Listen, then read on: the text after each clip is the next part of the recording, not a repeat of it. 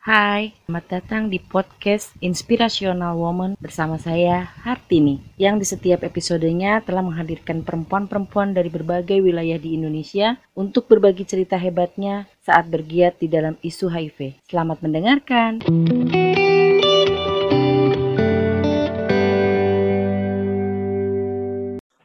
Oke, selamat siang Ria. Halo, siang Mbak. Apa kabar nih? Kabarnya Alhamdulillah baik. Oke, terima kasih. Sekarang lagi di Surabaya? Lagi di Surabaya. Hujan, panas, dingin? Hujan mendung gerimis, hujan mendung gerimis. Oh gitu, sama ya mungkin. Bersama. Terima kasih Ria atas waktunya untuk mungkin satu jam ke depan bersama saya Hartini untuk berbagi cerita sama teman-teman nanti yang bakal mendengar podcast kita. Pertama-tama sih pastinya kita harus memperkenalkan Rian ya. Silahkan Ria memperkenalkan dirinya sebagai apa, dari mana, perkenalan singkatnya. Silahkan. Oke, halo semuanya. Aku Ria dari kebetulan sekarang jadi Korprov IP Jatim. Itu aja, singkat. Singkat dan padat. Oke, Ah, ah. Ria sekarang adalah koordinator provinsi IP Jatim. Siap. Iya, Eh, Ria kalau boleh tahu eh, ceritanya, sekarang kan eh, Ria tuh aktif di eh, isu HIV ya. iya. Tapi mungkin jauh sebelum Ria masuk di isu HIV, ada cerita tentang kapan pertama kali tahu status, eh, bagaimana ceritanya, biar bisa berbagi dengan teman-teman yang lain. Silahkan Ria. Oke. Awal tahu status itu tahun 2015 bulan September. Tahu status HIV lo ya. Sebelumnya sebelumnya aku kena TB waktu itu.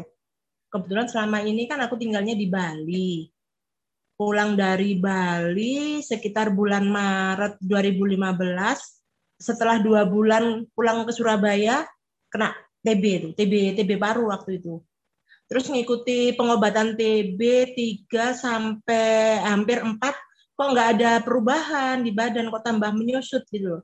Terus sama si dokternya disuruh tes HIV kan, tes PCT itu. Nah, di situlah baru diketahui kalau aku positif HIV. Ya wis kayak waduh ini wis kontrak mati nih. Tapi ya ya pasti shock lah ya. Awal-awal pasti shock tapi lama-lama ya apa ya pinginnya melupakan sih pinginnya melupakan itu semua pengalaman-pengalaman yang pernah kejadian pingin tak lupakan tapi ya berhubung ditanya lagi ya ya wis nggak apa-apa buat buat biar teman-teman tahu awal-awal tahu status dulu keluarga aku nggak ada yang bisa nerima dan intinya ya aku ya dikeluarin dari rumah nggak diakuin sebagai anak, nggak diakuin sebagai keluarga.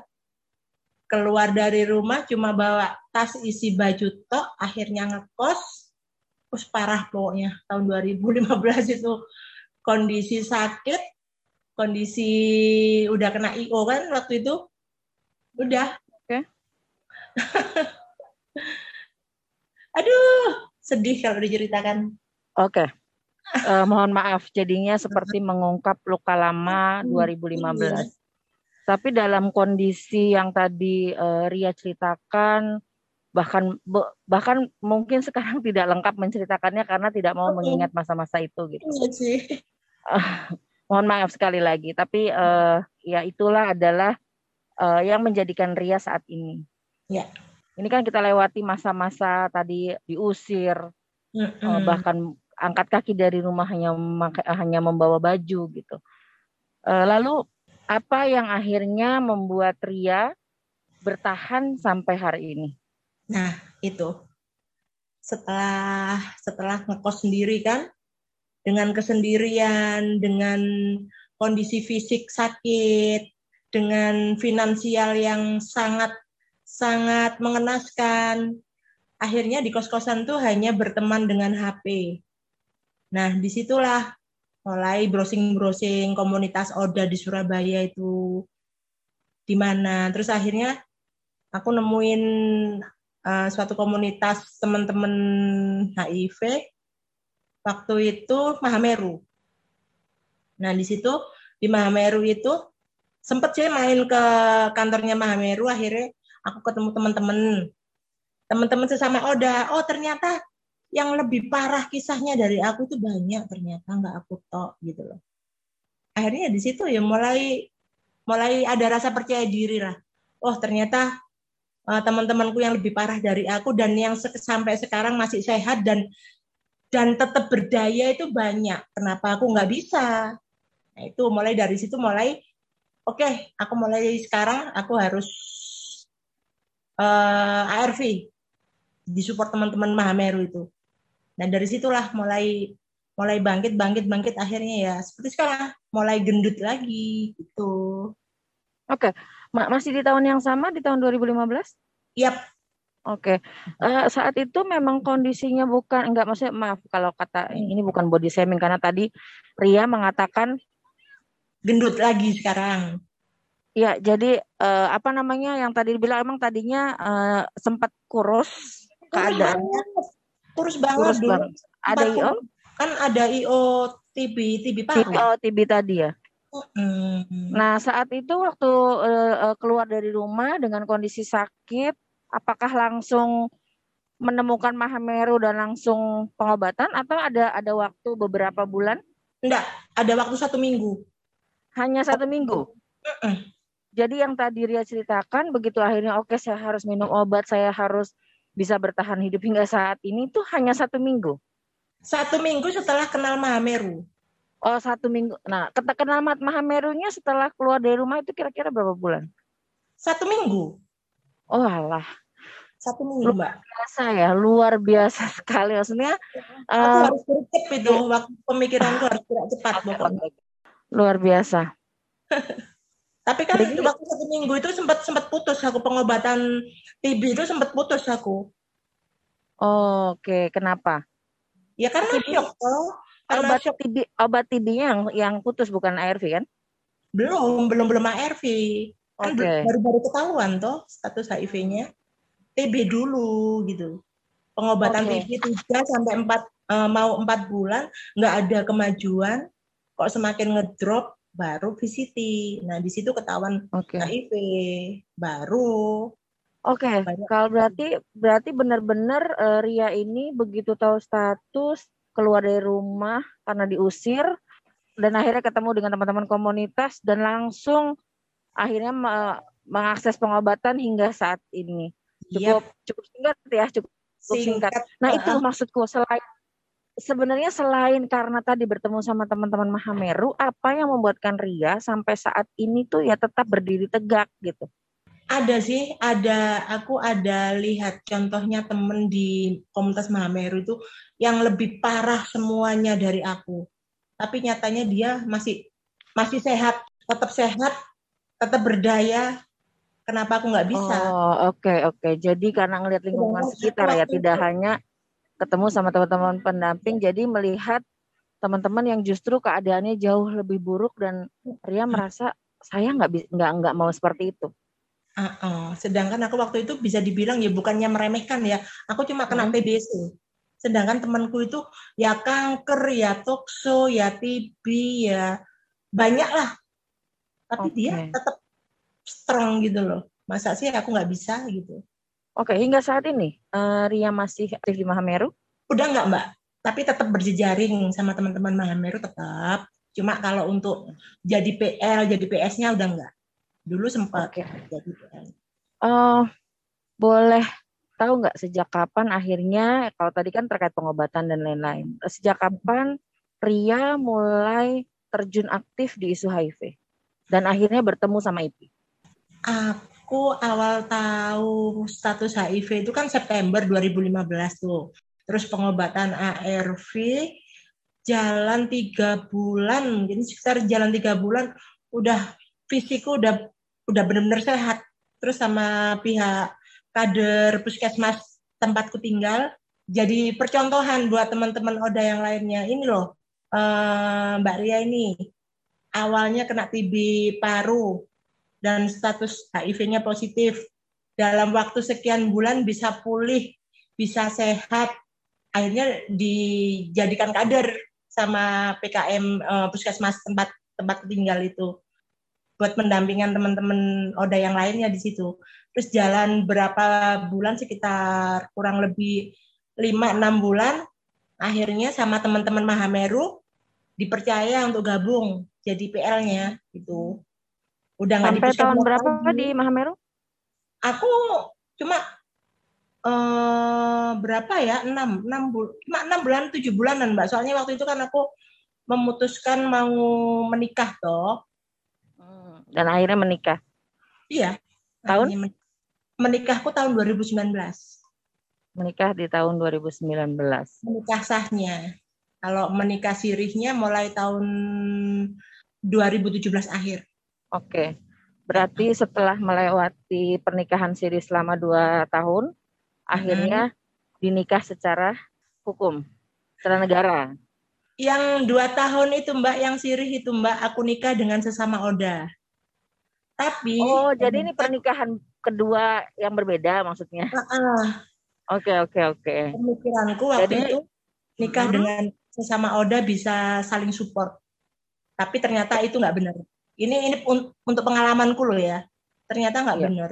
Setelah lepas dari si si itu akhirnya dapat lagi ini yang yang sekarang yang suami sekarang ini statusnya LR malah dia ngajak nikah sah waktu sama-sama dengan uh, Oda ternyata hanya dinik hanya dinikahi secara siri ya. selama dua tahun dan sekarang menikah menikah secara resmi dengan uh, Sero Discordan. Yap. Oke. Punya hmm. anak, ya? Kebetulan uh, kita udah memutuskan udah nggak nambah momongan lagi karena aku udah punya sendiri, suami juga udah punya, udahlah yang ada aja udah dibesarin. Oke, Seperti jadi sepakat untuk tidak memiliki keturunan anakmu ya anakku anakku ya anak anakmu gitu ya wis anak yang yang loro lah gitu lah ah, sama-sama oke okay. dan kapan mulai ketemu sama Ipi aku ketemu Ipi tepatnya tahun 2019 uh, eh, sekitar pertengahan pertengahan 2019 dari mana? Eh, denger atau ini Ipi? Kenalnya Ipi itu dari Selvin. Oke okay, dari Selvin. Iya, yang waktu itu Korprov Korprov IP Jatim.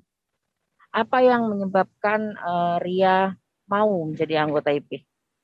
Uh, awalnya tertarik karena di IP ini kan anggotanya perempuan semua tuh. Itu itu aja sih yang bikin yang itu awalnya aja. itu eh, bisa uh, permasalahannya perempuan ini kan complicated ya. Oke. Okay. Jadinya apa merasa, yang akhirnya uh, menurut Ria perubahan sebelum dan sesudah sekarang akhirnya bergabung atau bertemu dengan teman-teman IPI? Jujur, kalau perubahan bukan perubahan sih, lebih ke ilmu pengetahuan tentang oda perempuan semakin banyak setelah aku kenal IPI. Yang aku yang aku rasakan loh ya, yang aku alami iya. seperti itu. Boleh apa aja yang tadi perubahan banyaknya itu? Tentang PPIA, tentang pokoknya tentang reproduksi, tentang pencegahan, tentang penularan, tentang apa-apa. Justru aku tahunya malah dari IP gitu loh. Kalau yang dari lain-lainnya itu mungkin yang umum-umum ya. Kalau dari IP kan benar-benar spesifik neranginnya apanya itu jadinya lebih lebih tahu tentang oda perempuan itu ya dari IP. Oke. Berarti eh, terkait informasi yang Ria dapat kalau dari tempat lain itu hanya secara umum ya. Kalau ini lebih bisa menerangkan terkait PPIA-nya yang itu menjadi kebutuhan penting bagi uh, perempuan yang hidup dengan HIV gitu ya dan hmm. kalau dari kehidupan Ria sendiri dari 2015 pertama tahu status HIV sampai sekarang apa perubahan terbesar yang Ria rasakan? perubahan terbesar ya aku semakin berdaya. Semakin berdaya, semakin bisa menjaga pola hidup yang benar. Semakin pokoknya semakin benar lah hidupku sekarang daripada dulu. Apalagi dari apa yang awal-awal dulu yang ketemu orang nggak berani. Yes, maksudnya mak maksudnya benar tuh benar seperti apa ya? Benar maksudnya dulu awal-awal tahu status itu malah pingin ah ini kayaknya kontrak mati udah tak sekalian tak bikin parah aja biar cepet mati pemikiranku waktu itu. Oda ini pemikiranku loh ya. Tapi ternyata pemikiranku itu salah. Seperti itu. Dan alhamdulillah sampai sekarang ya tetap sehat. Dan gimana kabar anak-anak sekarang? Anak-anakku, Mm -mm. Yang pertama kebetulan nggak nggak ikut aku semua ya, semuanya ikut pihak suami yang dulu. Mereka tahu statusku yang Oda tahu, nggak masalah. Nggak masalah. Uh, paling besar anaknya umur berapa, Ria? Yang paling besar umur 21. 21. Ada berapa Iya. sih anaknya? Dua. Dua. Dari suami? Dari suami yang yang meninggal tahun 2010 itu. Oh enggak, maksudku uh, sekarang kan menikah kembali dengan uh, juga pasangan yang mempunyai anak. Nah, Uh, Anak-anak yang bawaan suami berapa? anak bawaan suami satu, Mm-mm. anak bawaanku dua. Oh, jadi tiga. Ah, ah. Apakah ketiga-tiganya tahu kondisi atau uh, Ria ini HIV positif? Tahu. Tahu dan apa bentuk dukungan mereka yang dikasih ke Ria? Kebetulan kalau yang anakku, yang anakku sendiri mereka support. Kalau yang anak suami kayaknya masih sampai detik ini masih belum welcome. Gitu aja. Tapi ya nggak masalah sih nanti dengan berjalannya waktu kan dia tahu-tahu sendiri. Kan nggak bisa dipaksain juga kan. Yang penting kan aku menunjukkan kalau nih perilakuku sebagai mama tiri atau gimana lah terserah dia nganggapnya aku apa baik gitu loh nggak nggak seperti yang dia pikirkan gitu loh Oke. Ria ini kan menikah dengan pasangan yang uh, tidak HIV positif atau serodiskordan. Uh-uh. Uh, menurut Ria, bentuk dukungan apa sih yang sering dikasih dari pasangan? ya tetap tetap support dia kalau untuk tiap hampir hampir tiap hari dia yang ingetin waktu minum itu kan sering ketiduran toh aku itu aja sih bentuknya itu itu aja Ben- bentuk dukungannya adalah uh, udah mengingatkan. biasa kayak kayak kayak aku bukan bukan HIV jadi udah biasa Hmm, Sudah biasa.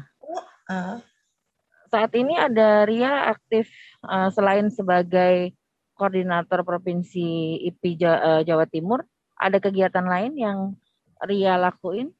tetap tetap tetap aktif di pendampingan di uh, Surabaya cuma nggak nggak ikut kayak freelance gitu loh mbak. Nggak Oh, Oke, sebuah tidak target ya, maksudnya bukan bukan bekerja digaji tapi freelance saja.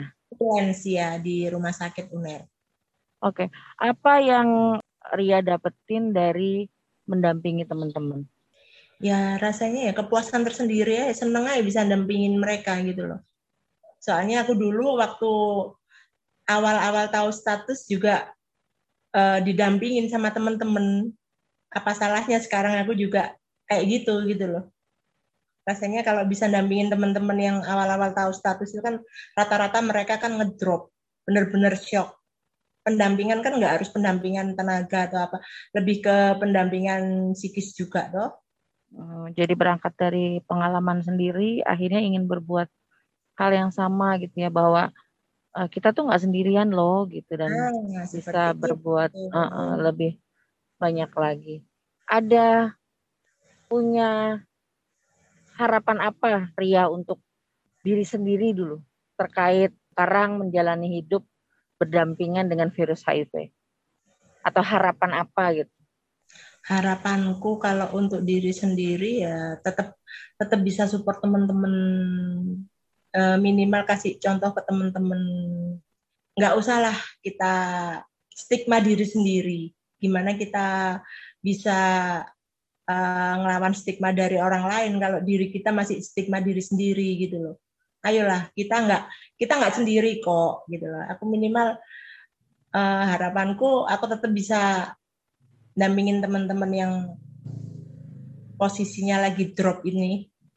Mauku seperti itu gitu Oke. Ria, apa yang akhirnya waktu itu Ria memutuskan menikah dengan orang yang tidak hidup dengan HIV? awalnya sih dulu jujur ya, awalnya, awalnya dulu itu cuma karena dendam. Bukan dendam sih apa ya bahasanya itu kepingin menunjukkan sama si mantan ini loh, yang mantan yang yang sesama Oda, kepingin tak tunjukkan aja ini loh, aku bisa, bisa dapat orang yang bukan Oda dan dia tetap support aku.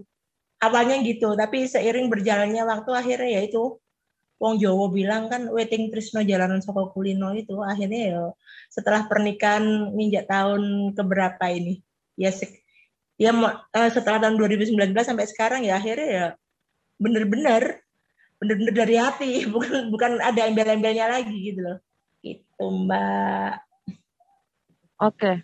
Sebenarnya karena yang yang yang bisa aku uh, simpulkan dari apa yang diceritakan Ria adalah begitu cepat berdamai dengan virus. Yep. ya. Di saat teman-teman yang lain ngerasa sulit uh, terus uh, mungkin mungkin kalau kalau orang lain merasakan yang seperti dirasakan tadi ngerasa sendiri mungkin hmm. berharap mati saja atau apa gitu sebenarnya saya saya tuh pengen banget denger secepat itu tuh apa gitu kekuatan terbesarnya itu pemikiranku waktu itu tuh aku gambling aja sih pemikiranku gambling. gambling. Gamblingnya itu gini, aku sekarang udah ini dengan pengetahuanku yang masih dangkal tentang HIV ya. Pemikiranku waktu itu aku jalan di tempat atau tetap tetap tetap tetap berusaha untuk sehat. Oh, mau sekarang, besok atau lusa atau next kita semua pasti akan mati. Tapi apa salahnya sih kita tetap berusaha? Gitu kan hidup mati kan udah ada yang nentuin kan gitu loh dan ternyata usaha aku nggak sia-sia. Maksudnya usaha untuk mengambil jalan untuk ikut terapi ARV itu ternyata nggak salah kan? Nah itu aku ingin tak tunjukkan ke teman-teman yang yang mereka yang udah tahu statusnya yang positif, ayo ARV. Nih contohnya aku, nggak usah contoh yang jauh-jauh lah. Nih contohnya aku pribadi nih. Dulu aku posisi IO TB dengan badan yang kurus kering. Akhirnya sekarang bisa kayak gini. Itu aja sih. Awalnya memang gambling cuma ternyata aku menang gitu loh. Aku aku merasa aku menang sih. Sampai saat ini aku merasa menang gitu loh merasa menang setelah setelah memutuskan untuk gambling dan merasa menang dan kalau boleh tahu sekarang keluarga apakah masih tetap belum menerima Ria? Akhirnya welcome. Setelah setelah uh, mereka tahu aku udah berdaya, sehat lagi dan kerjaanku udah kelihatan aku kerja di sini, kerja di sini walaupun uh, bisa dibilang badan penuh tato atau gimana gimana ya. Sudah badan penuh tato, uh, status HIV, tapi kerjaanku kan dengan teman-teman di Spora, dengan teman-teman rumah sakit, teman-teman kumpul-kumpul uh, dokter-dokter semuanya. Akhirnya keluarga itu kayak oh ternyata pemikiranku tentang Ria ternyata selama ini salah. Yang dulunya pemikiranku oh, Ria itu bikin aib keluarga dengan status HIV-nya, tapi sekarang. Semuanya tahu, keluarga, tetangga, teman nggak ada, nggak ada yang nggak tahu status HIV semuanya pada tahu. Dan mereka welcome. Oke, jadi ya Ria juga menepis anggapan bahwa seorang HIV yang mungkin nantinya hanya menyusahkan, yang nantinya hanya bikin malu keluarga, yang nantinya mungkin ya tidak bisa melakukan apa pun dan Ria menepis semua anggapan itu dan akhirnya menunjukkan ke keluarga. Dan sekarang keluarga sangat welcome gitu. Oke Ria, uh, sebenarnya kalau tadi terkait HIV tadi bukan gambling kali ya. Eh, maksudnya begitu begitu tahu HIV itu bukan begitu mengambil keputusan ARV adalah itu menjadi keputusan yang sangat tepat. Karena hanya HIV yang bisa menekan virusnya dan Ria bisa membuktikan itu ya. Melakukan pengobatan dengan baik dan akhirnya sekarang ya baik-baik saja gitu.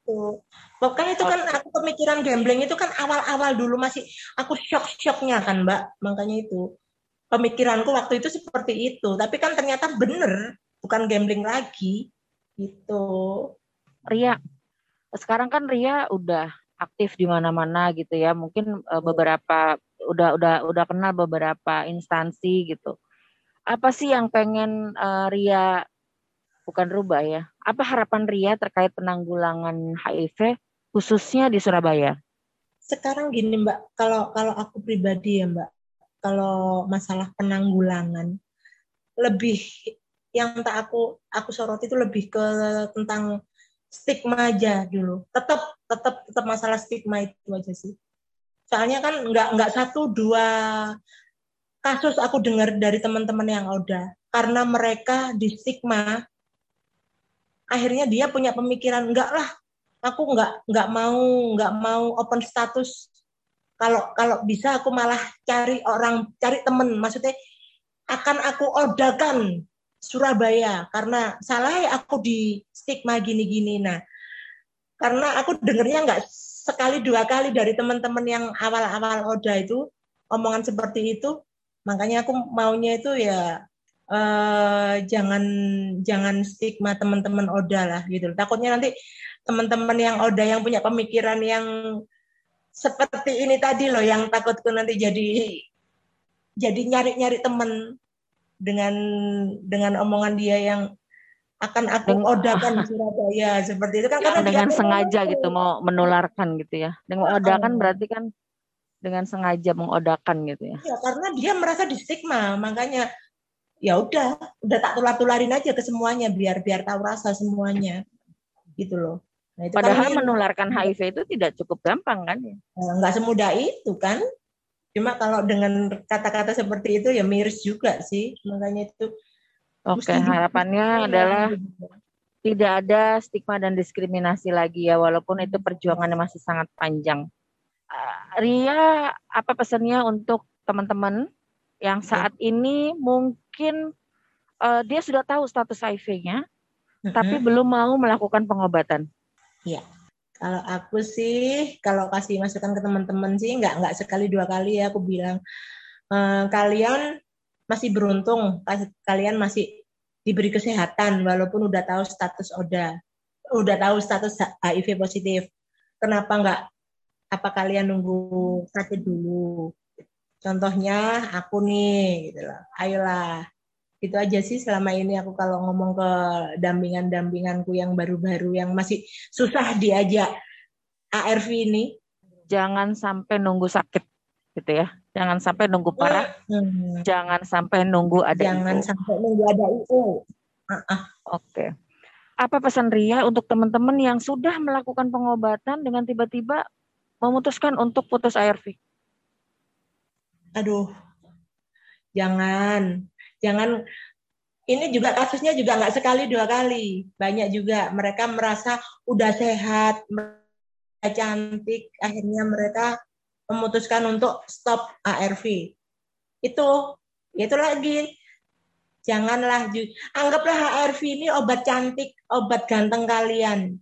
Kebutuhan pokok kalian. Janganlah jangan diputus. Nanti takutnya nanti malah resisten tuh takutnya seperti itu dan alhamdulillah selama ini omonganku itu didengar sih sama mereka yang tadinya mereka mulai stop seminggu dua minggu mulai tak deketin lagi akhirnya jalan lagi gitu seperti itu. Oke. Dan akhirnya bisa kembali lagi pengobatan ya.